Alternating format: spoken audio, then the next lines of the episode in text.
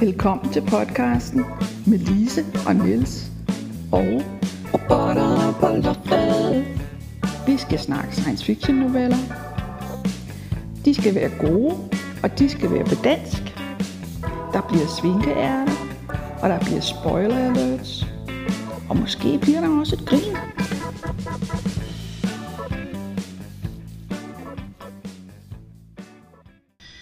Ja, jeg ved ikke, der er ikke så meget at grine af ved den her novelle. Kunne Nej. man påstå, har du lyst til at sige, hvad den hedder? Den hedder Efterbilleder og er skrevet af Malcolm Edwards, og det er ikke nogen vittighed. Nej. Så jeg vil prøve på at holde mig seriøs, mens jeg fortæller jer, hvad der foregår her. Norton bor et underligt sted. Der er sol døgnet rundt, og sådan har det været i over en uge. Man kan sige, at alt er stoppet. Snitfladen, og det bør siges med stort S, flytter sig kun langsomt. Udenfor er der eksploderende atomvåben. Men herinde er det næsten muligt at lade som ingenting. Når nu man ikke tog truslen alvorligt før, hvorfor så gøre det nu? Carver går gennem snitfladen og efterlader et billede af sig selv. En atomeksplosion er smuk. En atomeksplosion er dødelig. Jeg ved ikke, om vi skal snakke om, starte med at snakke om ham der Malcolm Edwards. Jo, altså der er jo det særlige ved det, at at der er det særlige ved det, at, at uh, han faktisk kun har offentliggjort den ene historie. Uh, han har været uh, aktiv i science fiction stort set i hele sit liv. Han er født i 1949. Uh, var jo nok ikke særlig aktiv de første 10 år, men altså uh, i 70'erne var han fanzine-redaktør, og han var i en længere årrække øh, direktør for The Science Fiction Foundation, dem der udgiver tidsskriftet Foundation, faktisk i al den tid, hvor de lå ved øh, Northeast øh, London Polytechnic, der hvor de startede. Øhm, så har han haft en karriere inden for, for forlagsverdenen, hvor han har været øh, redaktør på Gollancz, det store øh, britiske forlag, og har været øh, vice direktør for, for moderselskabet Orion Publishing Group. Det var han fra 2003 til 2015. Øh, og så nu er han så chairman på Gollancz. Øh, han, øh, der var en, næsten en hel udstilling om ham på verdenskongressen i 2014, som, som ligesom fejrede nogle af hans indsatser. Og nogle af de ting, han har gjort, det er, at han har lavet den serie bøger, der hedder Science Fiction Masterworks, som er, er genudgivelser af vigtige værker, som øh, Vigtige startede... romaner. Øh, jeg ved ikke, om det kun er romaner, men Nå, øh, okay. Men altså vigtige bøger i hvert fald. vigtige science fiction skønlitterære bøger, ikke? og som startede i 99, og som er, har passeret 200 titler. Så, så øh, og det er jo nogen, der skal udgives på nogenlunde øh, rimelige kommersielle vilkår og sælges, øh, så, så øh, alle er ret meget enige om, at det er noget af en præstation i hvert fald. Mm. Ja, altså Jeg ved ikke, men har- jeg skal sige, jo, han var med til at starte øh, science fiction magasinet Interzone, øh, som den her også novelle er, er, er trygt i. Okay, ja. Så. Ja, det jeg vil sige, det er, at jeg har haft glæde af Masterworks, fordi det, det, altså, der er nogle af klassikerne, jeg har købt på den måde. Øh, altså, det var simpelthen den måde, de eksisterede på, dag på det, på det tidspunkt, jeg havde lyst til at købe dem. Så. Øh, men det vil sige, det lyder som om, han er rigtig meget øh, redaktør, administration og alt sådan noget, og en lille bitte smule forfatter. Altså, den eneste novelle, man kender fra ham, øh, som er offentliggjort i hans navn i hvert fald, jeg tror ikke, han har skrevet en hel masse pseudonyme ting, øh, det er den her, og den vandt så øh, BSFA Award, det vil sige, øh, det er Englands beskedne svar på science fiction cirklen, der hedder The British Science Fiction Association, som øh, hver år uddeler øh, en række priser, øh, og, og de gav den her som best short story for i 83. Så. Ja, det er da, det er da okay. Ja, det ja. bliver talt. Ja, altså det, jeg, jeg synes, det, der er noget flot ved at have et CV, hvor der står, at jeg har lavet en novelle, og den vandt årets pris, og Alle mine noveller har... har vundet BSFA Award. Ja. Ja. Så, men det er altså også, jeg synes, en, en stærk historie. Den, den går ikke så meget på det handlingsorienterede, men øh, det er der selvfølgelig. Men den går jo meget øh, på, som, som du også har nævnt på et tidspunkt, den går på det stemningen ja. i, i den der oplevelse af at være lukket inde i den der boble, som, som man jo først gradvist får at vide, øh, hvad går ud på. Øh, og som jo ikke er nogen som helst øh, fest. Altså. Øh. altså de er ikke i tvivl om, hvad der foregår. Altså de, er, de er omgivet af atomvåbeneksplosioner, og man regner jo med, at det er kun et spørgsmål om tid, så, så kollapser boblen. Og, altså for, forklaringen er jo, øh, den, den man får i historien, er jo, at der er sprunget tre atombomber mm. i en bes, ganske bestemt konstellation i forhold til hinanden, og de har skabt et ganske bestemt øh, felt imellem sig. Øh, og, og det er den, ligesom den boble, de lever i. Og, og øh, den er uden for tiden, eller den er i en anden tids øh, ting. Sådan så, at selvom de er inde i den boble, så hvis man stod udenfor, så ville de nok være væk øh, for længe siden. Altså, de, der, der er en, der er en øh, ved ikke, en lille lukket verden, som om, om, øh, omfatter et kvarter af byen, mm. øh, med en græsk restaurant og sådan lidt forskelligt, som, som øh, hvor beboerne bare ligesom ikke rigtig kan gøre noget ved noget. De ved, der er en udløbsdato på, de ved ikke, hvornår det er. Øh, på den måde er det sådan meget eksistentielt. Altså, vi ved alle sammen, at vores liv har en udløbsdato. Vi ved ikke, hvornår det er. Øh, hvad gør vi ved den tid, vi har tilbage? Jamen, det er sådan et mikrokosmos af den slags også. Ikke? Øh, så, så, så jo, jeg synes, den er, den er stemningsfuld, og den vækker til, til eftertanke, og er øh, meget, altså en af, en af de vigtige effekter i den er, at den er meget underdrejet. Altså den er meget stille og rolig, både, både øh, måden den er fortalt på, og, og øh, altså synsvinkelpersonen, øh, hovedpersonens øh, outlook på de her ting, øh, syns på de her ting, det er meget sådan, tjæ, altså. Det mest, det mest øh, indtrængende anklage, der ligger i den, det er jo det der, jamen altså, vi vidste, at vi nok kunne regne med, at der kom en atomkrig på et tidspunkt, men der var ingen, der gjorde noget for at forhindre det. Altså, det, ja. det var den der apati, som, ja. eller, eller manglende politiske aktivitet, eller hvad det nu er, som, som har ført til den krig, som nu er dem der, hvor de er i klemme.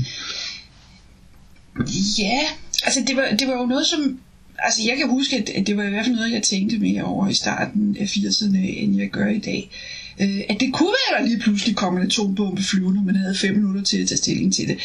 Øh, f- fordi øh, fordi hvad skulle man gøre? Altså, der var nogle folk, der havde adgang til atomvåben, som man ikke kunne snakke med på en fornuftig måde. Mm-hmm. Øh, øh, og, og man kunne ikke få folk til at, at smide dem alle sammen væk. Så, så det var en risiko, at der pludselig kom noget flyvende. Øh, så selv hvis man kan sidde bagefter og sige, hvorfor er der ikke nogen, der gjorde noget? hvad, hvad skulle man gøre? Altså? altså, der var jo nogen, der gjorde noget. Mm. Altså, der var jo en meget eksplicit folkestemning i de fleste europæiske lande øh, mod øh, atomvåben. Der var marscher, der var demonstrationer, der var kvindelejre ved, ved øh, hvad hedder det, Greenham Common, som mm. varede i overvis, som, som øh, øh, protesterede imod det. Her hjemme havde vi atommarscher fra slutningen af 50'erne og frem. Mm. Øh, så, så jo, der var nogen, der, der ligesom protesterede i ja, hvert fald. Ja. Øh, det ville ikke have hjulpet ret meget, hvis en eller anden idiot havde trykket på knappen, som vi jo også har set masser af historier om. Øh, det, der er anderledes ved den her, er ligesom den måde, personerne bliver lukket ind i en, i en boble øh, på, mm. som så kan læses som en metafor for den boble, folk går rundt i. Ja. Øh, men, men her er det så en, en boble, der, altså, de bliver mødt af, hvad kalder de snitfladen, mm. øh, den her væg fra, fra den meget langsomt udfoldende øh, atomeksplosion. Ja. Som fanden game også må være en, en grim reminder at gå og kigge på hver morgen, når man vågner. Nå, ja. nu er den flyttet sig ja. et par meter, ikke? Ja, men det... Altså, jeg vil så også gætte på, at dem, der bliver refereret til, der ikke gør noget, det er vel politikerne. Øh, øh, fordi det er jo dem, der skal reagere på det, hvis der er en demonstration, der kommer vadende forbi. Øh, der er noget andet ved den her øh, gruppe mennesker, der er i det her kvarter. De, de havde jo en advarsel. Altså, folk har faktisk haft en mulighed. Selvom man også prøver på at mane til ro og sige, lad nu være med at forlade byerne, vi har mm, styr på yeah. det, så har de fleste faktisk forladt byen. Så dem, der er tilbage, det er, dem, det, er, det er dem, der sådan, jeg gider ikke rigtig at gøre noget ved det. Og dem, der ikke har kunnet. Og dem, der ikke har kunnet. Og det vil sige, det er jo fortsat den holdning, de har. Ja, nu er det jo for sent at gøre noget ved det. Ja, det er det jo så. Ja. Øh, øh, det, det er ikke dem, som... Altså, det, det lyder ikke som om, der er nogen, der sådan decideret har sagt, okay, så kan jeg jo, de skal også have halsen over på mig selv, hvis vi er der. De er kørt. dem, der ville reagere sådan. Øh, så, så, så det der med, om vi ignorerer det der med atomvåben, så går det nok over af sig selv. Det er dem, vi har.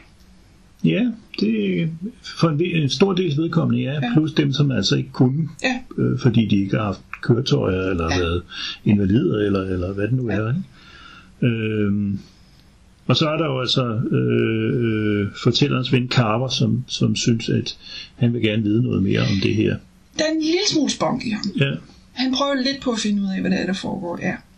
ja men han siger jo direkte, at han er, han er øh, øh, han går videnskabeligt til det. Altså, Ja. han prøvede at stikke noget ind i, i den der væg der, og øh, hvad, der, hvad, der, hvad der kom ud af det bagefter, og, og prøvede at finde ud af, hvad han skulle gøre for at eventuelt at kunne gå ind bag den der mm-hmm. snitflade der, mm-hmm. og lokker jo øh, fortælleren med, altså Norton, som han hedder, øh, ind i fronten.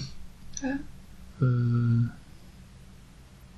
og, og, det er jo i sig selv lidt, lidt pudsigt, fordi fornemmelsen har jo været, at i øjeblikket, det øjeblik, du rører fronten, så øh, er du færdig. Ikke? Men det viser sig så, at der er en ildkugle længere inde bag, bag fronten. Ja, der er ligesom, altså, altså øh, øh, fronten har en dybde. Altså, du, ja. Ja. du kan gå ind i den. Øh, øh, den. Den første, altså snitfladen, øh, der skal man huske at have solbriller på, hvis man går igennem den, fordi der er meget lyst. Ja. Øh, men man kan faktisk godt Det- gå rundt der. Det er jo også lidt fordi, de snakker om, at der er forskellige bølgefronter, fordi at, mm. at uh, ligesom der er i en, en uh, atomeksplosion i real time, ikke, så kommer der først uh, lys, og så kommer der gammastråling, og så kommer altså hvad, hvad det nu er uh, i, i rækkefølge, og det er også det, som de kan se, fordi det er ultra slow motion, det her simpelthen. Mm. Så der sker jo jo det, det, det kan de jo se. Øh, øh, der, jeg tror nok, der er nogen, der har øh, øh, kørt igennem snitfladen simpelthen, øh, og der er karver, der er gået igennem den på et tidspunkt. De efterlader et billede. Øh, altså man kan se på snitfladen, okay, her er der nogen, der er gået igennem. Øh, nu er snitfladen jo noget med lys, så jeg har sådan en fornemmelse af, at det er sådan noget med lys, med lys, med lys, med lys, med lys på. Øh, men alligevel, den der silhuet, man efterlader, det minder mig om den der øh, silhuet, der blev efter øh, atombomberne i Japan, hvor man nogle gange kunne se en silhuet, der var brændt ind i en mur, eller sådan ja, noget. det var så det eneste, der var tilbage af Ja. den person, der havde stået mellem atomeksplosionen og muren. Ja. Det var lidt, lidt kulstof. Ja. Så det går ud fra, at det er bevidst, han har. Det skulle man, det skulle man tro. Han Ja. sender en hilsen til det. Ja. Altså det er jo, altså, der er jo masser af mennesker, der har skrevet masser af historier om atombomben. Og det har fyldt meget. Øh, øh, og selvfølgelig har det det, og specielt med den kolde krig, og jeg ved ikke hvad. Men jeg synes, det der popper op hos mig, det er den mest kendte af dem alle sammen. Det er Dr. Strangelove, øh, som er en film, øh, øh, som handler noget om, om øh, den her frygt for atomvåben, og øh, hvis man bliver bange nok, så bliver man gal simpelthen, og Ja, den, jeg synes, den understreger lidt, øh, hvor meget irrationalitet der er i, i op, oprustningen. Og, altså selv som en, jeg kan ikke huske, om selve termen forekommer i, i filmen, men det der hedder Mutual Assured Destruction, altså øh, som med den relevante forkortelse MAD, som var en doktrin om, at jamen, øh, der er ingen, der tør starte, fordi så vil begge parter gå under. Ikke? Øhm, og, og man begynder at snakke om, om øh, at måle øh, teorierne om, hvordan en krig vil forløbe ved at opgive tallene i megadeath, altså millioner Ja. dødsfald og sådan noget. Ikke? Det er, det er, øh, man skal ikke se det ret skævt, før det ser fuldstændig vanvittigt ud, det folk foretog sig i de der 30 år, hvor, hvor det var ligesom atomomrustningen, der, der øh, bestemte det hele. Ja.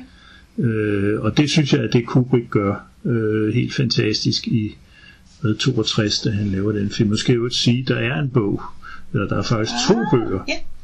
Øh, det er en filmatisering af en roman, øh, skrevet af en, der hedder Peter George Bryant, øh, og han lavede så en version til øh, den ene under navnet Peter George, den anden under navnet Peter Bryant. Den ene hedder To timer til dommedag, og den anden, jeg kan ikke huske, og, og jeg kan ikke huske detaljerne, hvordan forskellen er i forhold til filmen, fordi det er filmen, man kan huske Ja. Øh, på grund af Kubrick og på grund af Peter Sellers, øh, som, som har nok sit livs øh, præstation i den film simpelthen. Øh, og som jo altså også jeg tror, den, den, den mest præcise måde at beskrive det på, det er sort humoristisk. Altså fordi Ja. det er så sindssygt, ikke? At, at da bomberne falder, så begynder violin at synge We'll Meet Again. Ikke? Altså, Ja. øh, det er... Det er jeg, jeg kan huske, jeg så den på et eller andet tidspunkt i, i en reprisebiograf. Øh, det har været oppe i, i slut 80'erne eller begyndelsen af 90'erne, og den sad der stadigvæk. Altså. Ja. Den er simpelthen bare godt lavet. Øh, og er, er et, nok det mest øh, kunstnerisk gennemførte øh, version af det udsagn, som handlede om øh, det sindssyge i overhovedet at tænke på atomvåben. Altså, øh, Altså, der var jo på et, et tidspunkt, hvor de begyndte at opregne, hvor mange gange kan vi udrydde jordens ja, befolkning. det, Er øh, otte nok? Jo, jo, men det var jo også noget af det, man snakkede om, da man begyndte at snakke om nedrustning. Ikke? Ja. Kan vi ikke nøjes med at kunne udrydde hele jordens befolkning fire gange ja. i stedet for syv? Ikke? Ja. Kan vi ikke?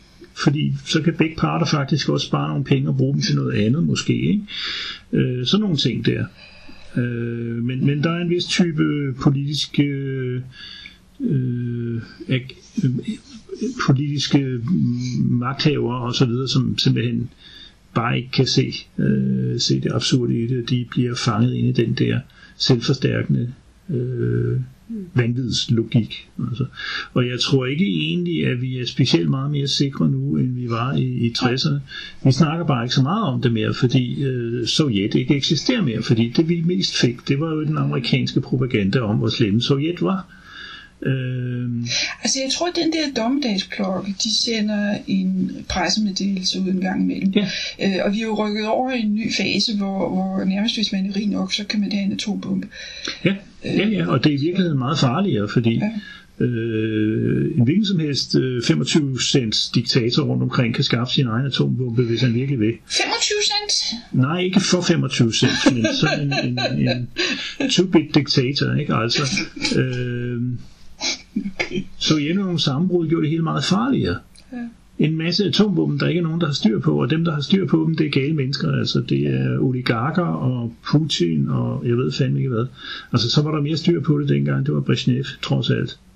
Øh, så ja, jeg tror ikke, altså, jeg mener heller ikke, at det der ur på, på uh, The Bulletin- of Concerned Atomic Scientists, eller hvad det hedder, jeg mener heller ikke, det er sådan sat flere timer tilbage, det er, det er sat tre minutter tilbage, eller sådan noget, men den er stadigvæk, den er stadigvæk mere end fem minutter i 12, altså. Så, Altså, jeg skulle, jeg skulle google det, hvis jeg skulle finde ud af præcis, hvor den stod. Men jeg har Ja. sådan en fornemmelse i, at den er 10 minutter i 12. Altså, mm, det, det, det, det, det er altså, stadigvæk slemt nok. det, det, men som du siger, vi snakker nok ikke så meget om det. Men nu Nej. snakker vi om klimaændringer og forurening og, og sådan Jamen, det er jo også, øh, det er jo også tru, meget virkelige trusler, altså. Øh, og de sidste års tid har vi mest snakket om covid, ikke? Oh yes. øh, som også er en meget virkelig trussel. Oh, yes. øh, så, så øh, ja. Øh, jeg ved ikke, øh, ja, jeg ved ikke, hvad vi skal gå videre om med. Altså, man kan jo sådan her halvvejs, så kan man opsummere, at det er ikke en historie, der får en til at føle sig godt tilpas. Det tror jeg heller ikke er meningen med den. Øh, og øh, vi har som sædvanlig øh, spoiler alert grænsen lidt senere, men, men øh, jeg tror nok, vi allerede er kommet til at spoile. Fordi, fordi det, det, det er en historie, det, det er lidt svært at, at snakke om, uden at komme til at spoile det hele. Til gengæld, efter spoiler alerten, så spoiler vi en hel masse andre ting. Ja, ja. Ja, der, der, der, der mangler kun den aller sidste ting i det, det her historie, men det er jo også fordi historien er bygget sådan op, at det er en stemning, og det egentlig foregår over relativt kort tid. Øh, så er det svært, og det er også en forholdsvis kort historie, så er det svært at dele den op i, hvad man kan starte med at fortælle, og så skal vente med at fortælle til folk, der bliver advaret, fordi den er meget organisk sammenhængende også. Ikke? Det er den samme stemning hele vejen igennem, det er øh, den samme synsvinkel hele vejen igennem, det er den samme let melankolske tonefald hele vejen igennem. Ikke? Så derfor er det svært at sætte et, et kort. Yes. Ja, ja. Så er vi nået til den del, der slet ikke har noget med dagens novelle at gøre, nemlig Svinkeærnet.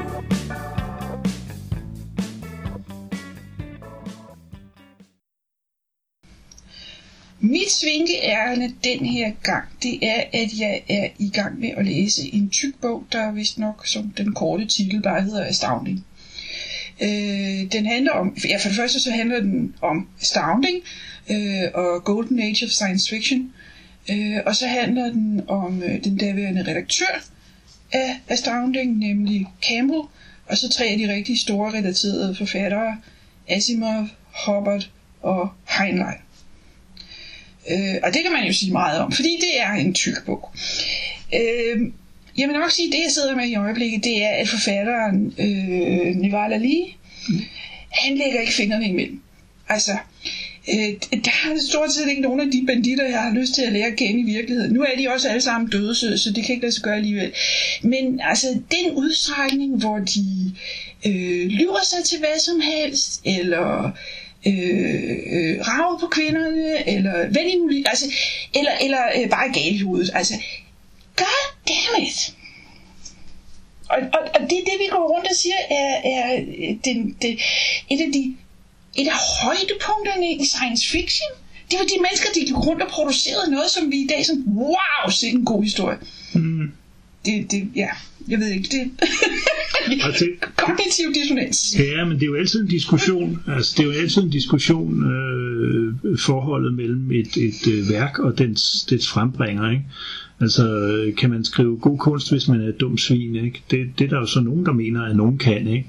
Og jeg vil da også sige, at jeg har ikke holdt op med at læse Asimov. Øh, jeg har aldrig brudt mig om Hubbard, øh, og, og bryder mig endnu mindre. Jeg har nemlig også læst øh, Nevada Lees bog, øh, og bryder mig endnu mindre om Hubbard efter beskrivelsen af ham, fordi han får altså ikke, bliver ikke levende for to øre ære.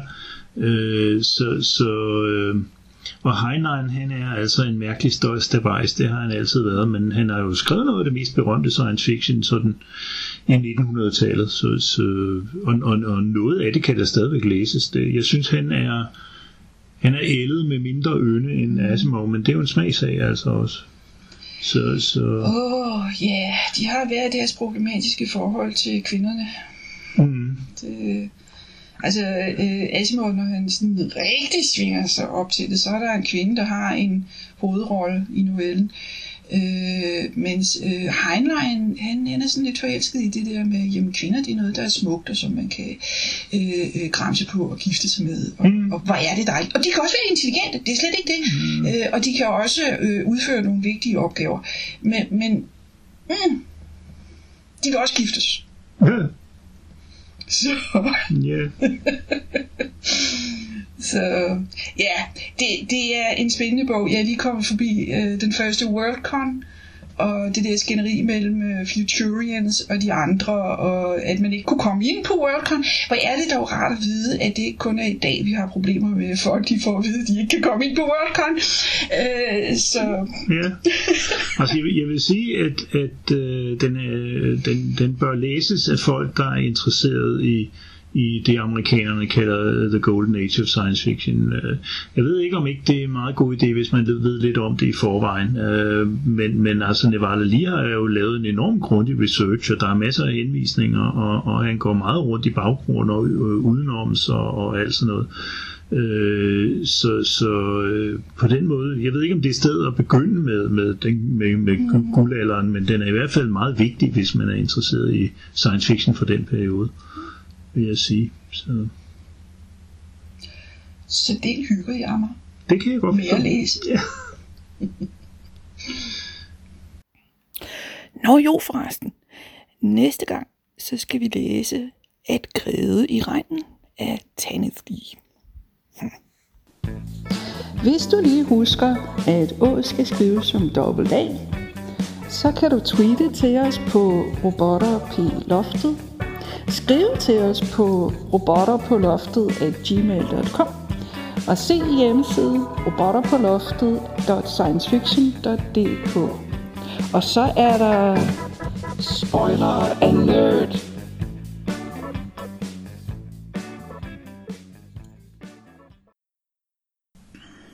Siden vi optog denne episode, er vi blevet gjort opmærksom på, at øh, Christopher Priests Inverted World ikke foregår inde i en hul planet, men øh, øh, foregår i en by, der kører på skinner, og at grunden til, at det virker sådan, er, at øh, der er et felt, som øh, ændrer indbyggernes perception, så de oplever det omgivende univers som en hyperbel.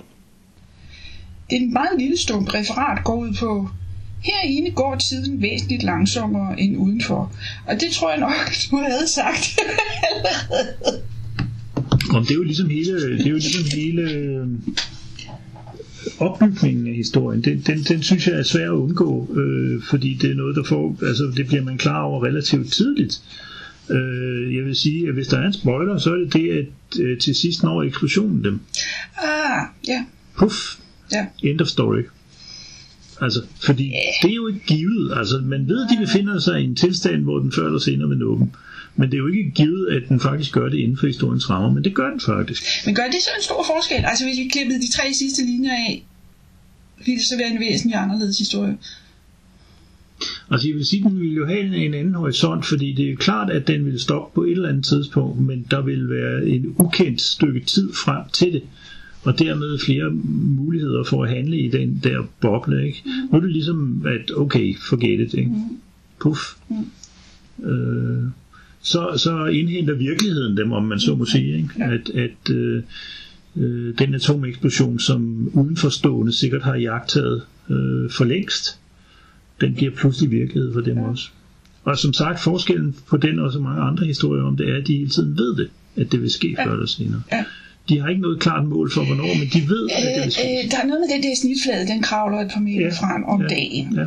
Øh, og det der område, de er i, det er noget med det er 800 meter bredt i en ujævn trekant. Så, så, så, hvis man ville, så kunne man regne ud, okay, det er måske noget med så og så mange ja. dage. Men, men pludselig så går det hurtigt. Ja, de ved ikke, om det er en, om, om, om det er en konstant hastighed. De ved ikke, om, om man kan regne med det, nej.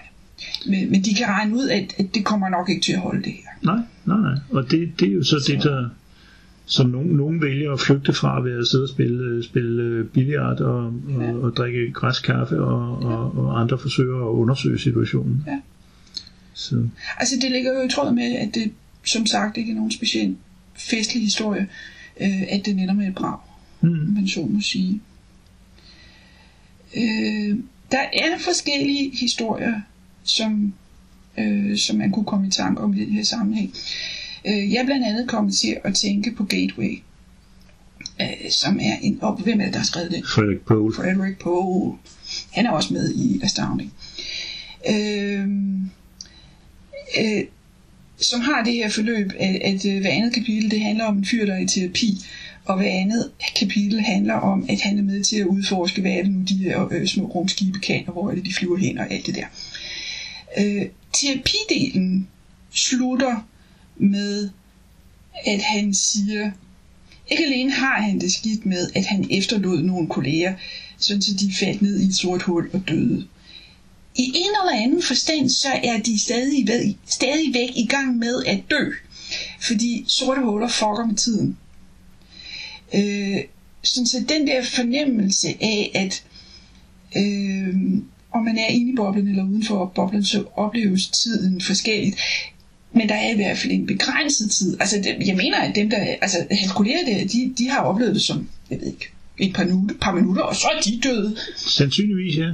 Men, men altså, det, øh, den blev jo starten på en serie, fordi det viste sig at være en helt ufattelig god idé, han havde fået Pole. Ikke det med det sorte hul, men det med, at der er en rumstation, som er efterladt af nogle aliens, som er væk for mange, mange, mange hundredtusinder år siden, og der er nogle rumskibe, som stadigvæk virker men man kan ikke kontrollere, hvor de kommer hen, og så kan folk ligesom tage en chance, sætte sig ind i det, og øh, enten lande på en planet, hvor de finder ufattelig rigdom, eller også øh, lande midt i en sol, fordi det er altså så mange år siden, at øh, stjernernes placering har flyttet sig og sådan noget. Ja. Øh, og det, det er forlængelse af den, at, at med, der er nogle af dem, der havner, eller det er der hovedpersonen hen er ude på sådan en tur, hvor nogle af dem så havner i et, i et sort hul. Ja. Ikke? Men fordi det blev så var sådan en, en fix idé, den der, så kom der jo, hvad, tre-fire øh, efterfølgere, og, og nummer to, det var egentlig det, jeg ville sige, hedder Beyond the Blue Event Horizon. Og, og begivenhedshorisonten i Event Horizon, det er jo den, øh, det er jo det sted omkring et sort hul, hvor det er den grænse, hvor ja. du kan ikke se ind bag. Mm. Altså det, det er lidt ligesom snitfladen her. Ja. Fordi der er øh, tyngdekraften så stærk, at lyset ikke kan forlade stedet igen. Ikke? Så det vil sige, at, at øh, det er derfor, det er sort. Så vil sige. Ja. Men det er begivenhedshorisonten, og man har ikke rigtig nogen idé om, hvordan man skal beskrive, hvad der foregår på den anden side af begivenhedshorisonten.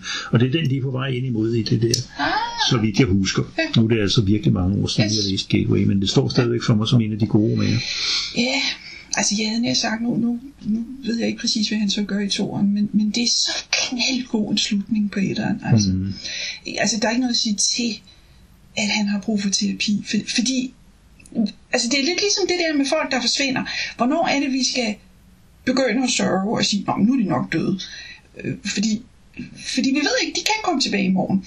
Øh, hvornår er det, han skal sige, øh, øh, okay, men de er jo i praksis døde, så, så det er nu, jeg begynder at, at tage hul på den næste fase. Nej, de er stadig i gang med at dø. Mm. Øh, der, jeg ved ikke, der er et eller andet fascinerende ved. Jamen, jeg, jeg, jeg, jeg, kan forstå, hvordan det er psykologisk kompliceret. Ikke? Altså, Øh, så øh, vi har jo snakket om James Blishes øh, kortroman øh, Surface Tension, eller overfladespænding, som den hedder på dansk. Øh, den har så ikke så meget direkte med det her at gøre, men øh, Lise fandt ud af, at der var lavet en hørespilsudgave i en gang i 50'erne også, 56 Åh, et eller andet. det kan jeg ikke nej.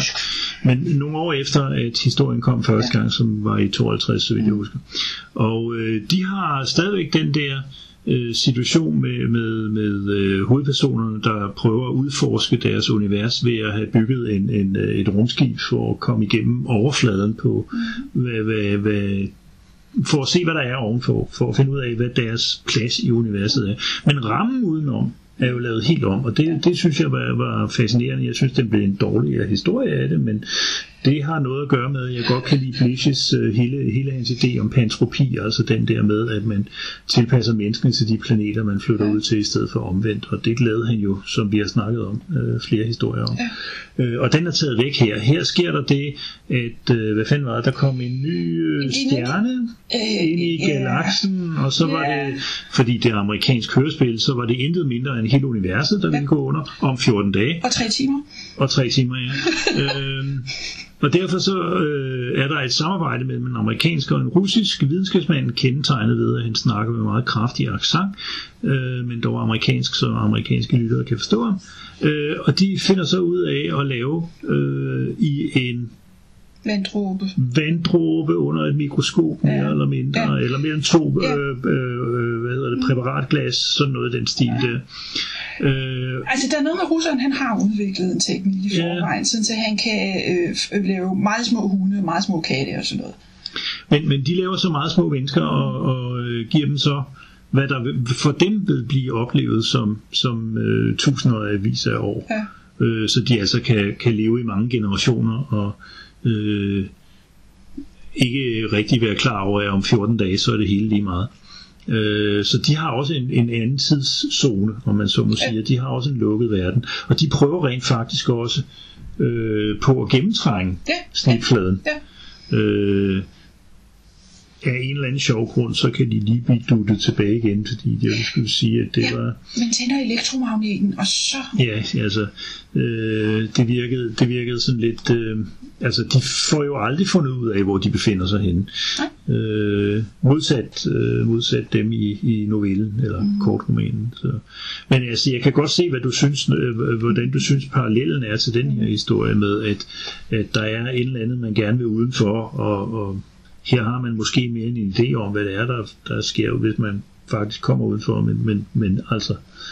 Øh, og, og, og jeg synes, det var meget markant, at, at det blev en, en dårligere historie, at, at den der ramme, som sikkert har noget at gøre med, at hvis du skulle lave øh, hørespil i, i slut 50'erne, så var det altid en god idé, at, at øh, der var noget med, med russer, og, og ja, så var det jo så ikke engang en atomkrig, det var bare en ny stjerne, der sådan ligesom Ja. kaputtede hele universet. Var, Ja. lød lidt Og sådan, russerne laver sikkert nogle eksperimenter, vi ikke har hørt om. Jeg ved ikke, Og, det, det, det, det er ikke engang antydet, vel, men, men jeg, jeg, jeg synes, øh, at, at det var sådan slightly overkill, ikke? fordi en ny stjerne, ja jo, ikke, man kan sagtens forestille sig, at den udsletter alt liv på jorden, øh, hvis den kolliderer med solen eller sådan et eller andet, men hele universet, ja. Det, er sådan, øh, ja. det må være noget af en stjerne, altså.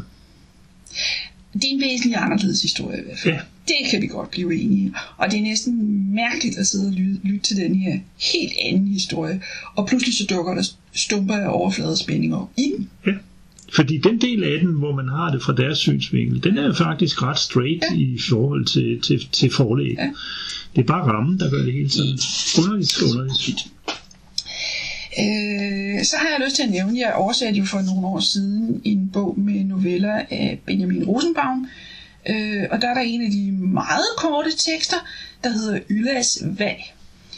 Og det handler om en by, altså, altså det, det er en tekst, hvor, hvor øh, en tekst blandt flere tekster, der alle sammen hedder andre byer.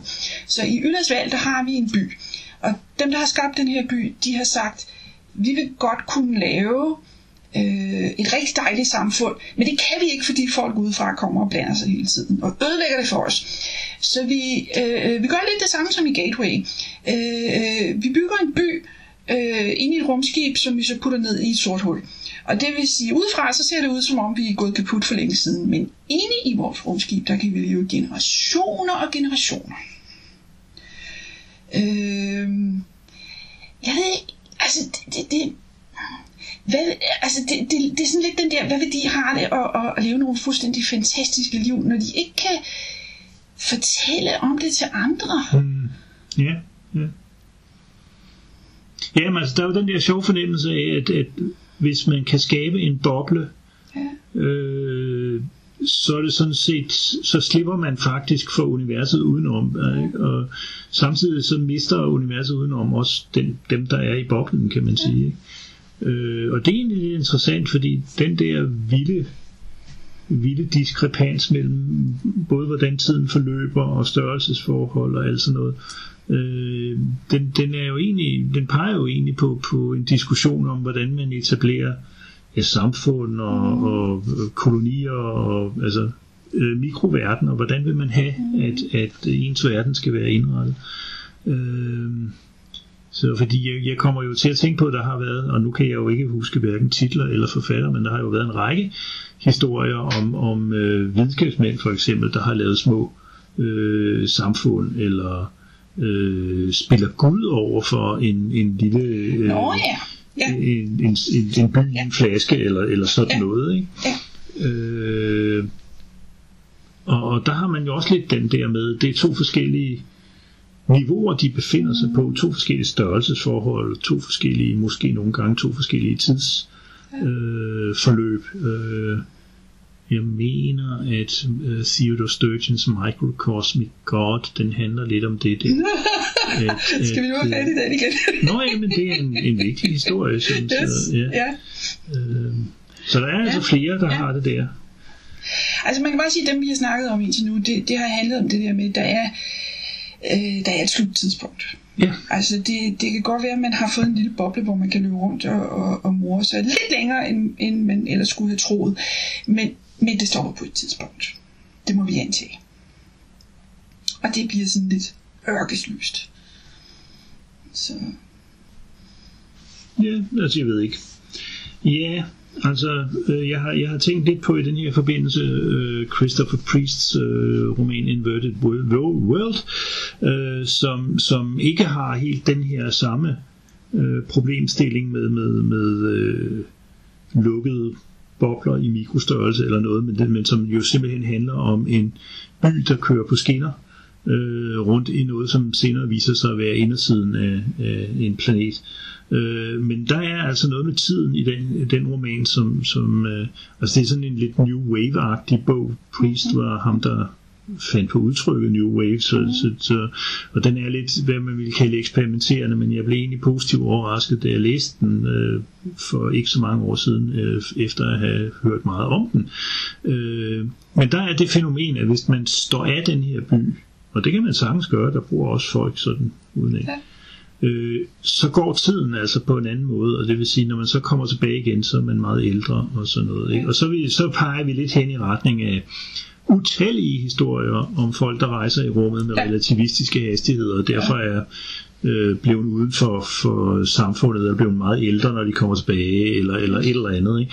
Øh, det kan vi vende tilbage til senere, når vi for eksempel skal snakke om John Varleys uh, The Pusher, øh, Ah, som ja. jo handler om det i meget høj grad. Øh, men, men nu er vi så også lidt væk fra, fra den boble, som, som øh, er i Malcolm Edwards historie, som jo ikke... Øh, altså som jo er løsrevet fra normaltiden, men, men jo ikke altså, hverken på samme måde eller med samme hensigt som mm. i, i øh, relativistiske rumrejser. Øh, så. Altså jeg ved ikke, jeg er bare lidt fjollet med, med altså sådan noget med tid, der kører med forskellige hastigheder og, og sådan noget. Og hvad fuck betyder det overhovedet? Men det er metatid. Øh, øh, en af mine yndlingshistorier, og jeg kan desværre ikke huske, hvad den hedder, øh, den handler om, så vidt jeg husker, er det jorden, simpelthen jorden, som på en eller anden måde er blevet inddelt i horisontale tidszoner. Og det er altså tidszoner på den måde, at tiden går med forskellig hastighed i de her zoner. Og det vil sige, at det kan lade sig gøre, at der er en soldat, så vidt jeg husker, på Nordpolen, øh, som bliver hjemsendt, fordi der kommer en for at afløse ham. Øh, de har virkelig travlt på Nordpolen. Altså, øh, Øh, folks navne er super korte, men har styr på, hvor lang tid alting tager i sekunder. Øh, alting er på, kører bare super effektivt. Nå, men han er jo så, øh, han er, han er blevet smidt ud af hæren, så han rejser sydpå øh, for at gøre, hvad man nu gør, altså øh, stifte en familie og finde et hjem og sådan noget. Og det han oplever, når han rejser sydpå, det er, at der bliver bedre og bedre tid. Hans navn det bliver længere og længere og, øh, og sådan noget. Øh, øh, og, og øh, når han finder en kone, og han får et par børn, og det går ufattelig godt. Så er der et sendebud, der kommer og siger, forresten, du skal komme tilbage til fronten. Øh, det viser sig, at øh, hans afløser blev skudt nærmest omgående. Øh, så du er nødt til at komme tilbage. Vi, kan, vi har ikke tid til at uddanne en anden. Det må være dig, der kommer tilbage og betjener det her våben igen. Og så rejser han hele vejen nordpå igen. Og så er der op på Nordpolen gået sådan noget som 10 minutter. Og den fucker med mit hoved. Mm. Den historie, altså. Altså, man kan jo sige, at det er en bogstaveliggørelse, den der forestilling om, at dagene er længere ved ekvator, end de er ved Nordpolen. Nå, ja. et, et, et eller andet sted, ikke? Øh, men ellers så er det jo altså en spatialisering af et temporalt problem. Altså, uh, ja, det lyder teknisk, men, men øh, jamen, science fiction kan godt lide at fucke med forholdet mellem tid og rum, ikke? Altså, ja. kan man sige. Ja. Øh, og jeg kan ikke umiddelbart hverken fange forfatteren eller titlen på den der, men, men øh, jeg tror, jeg har læst den Nej, i hvert fald. altså jeg vil så sige, hvis der er nogen, der genkender den, så tal lige os og, og, og send en besked til os. Øh, jeg, jeg kunne godt tænke mig at læse den igen. Øh, så det skal vi lige have styr på. Nu vil sige, at trods øh, rygter om det modsatte, så ved vi ikke alt. Men... vi kan bare godt lide at lade som om. så ja. Yeah. Jamen, er vi ikke nået til? Jo, jeg ja. tror ikke, der er så meget. Der er i hvert fald ikke mere at sige om Malcolm Edwards ja. øh, og hans historie. Jamen, øh, så får I ikke mere for den kortløb. Tak, fordi du lyttede til podcasten. Ba-da-ba-la-da.